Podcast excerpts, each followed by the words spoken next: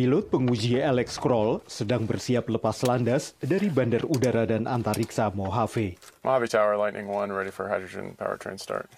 Universal Hydrogen yang berpusat di California sedang berupaya mengubah pesawat berbahan bakar jet menjadi bahan bakar hidrogen. Menurut Presiden perusahaan Cousin, hal ini akan mengurangi emisi karbon dalam penerbangan karena hidrogen hanya menghasilkan panas dan air.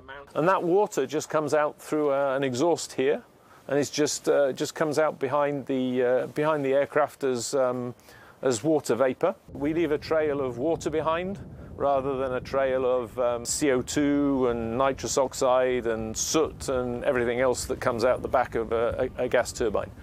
Daripada membakar hidrogen dalam turbin gas seperti bahan bakar jet, teknologi ini mereaksikan hidrogen dengan udara dalam sel bahan bakar untuk menggerakkan motor listrik. Sejumlah kursi pesawat harus dilepas untuk memberikan ruang bagi sel-sel hidrogen, dan ini mengurangi jumlah penumpang yang dapat diangkut.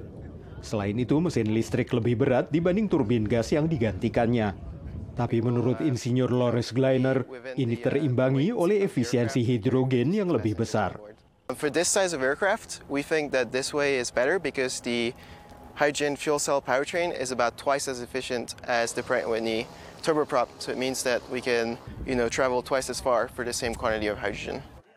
Penerbangan ini juga jauh lebih tenang karena tanpa turbin, maka satu-satunya suara berasal dari baling-baling yang berputar.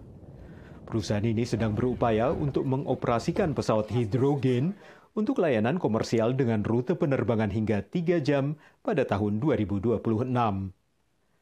Dari Arlington, Virginia, saya Helmi Yohanes dan tim VOA.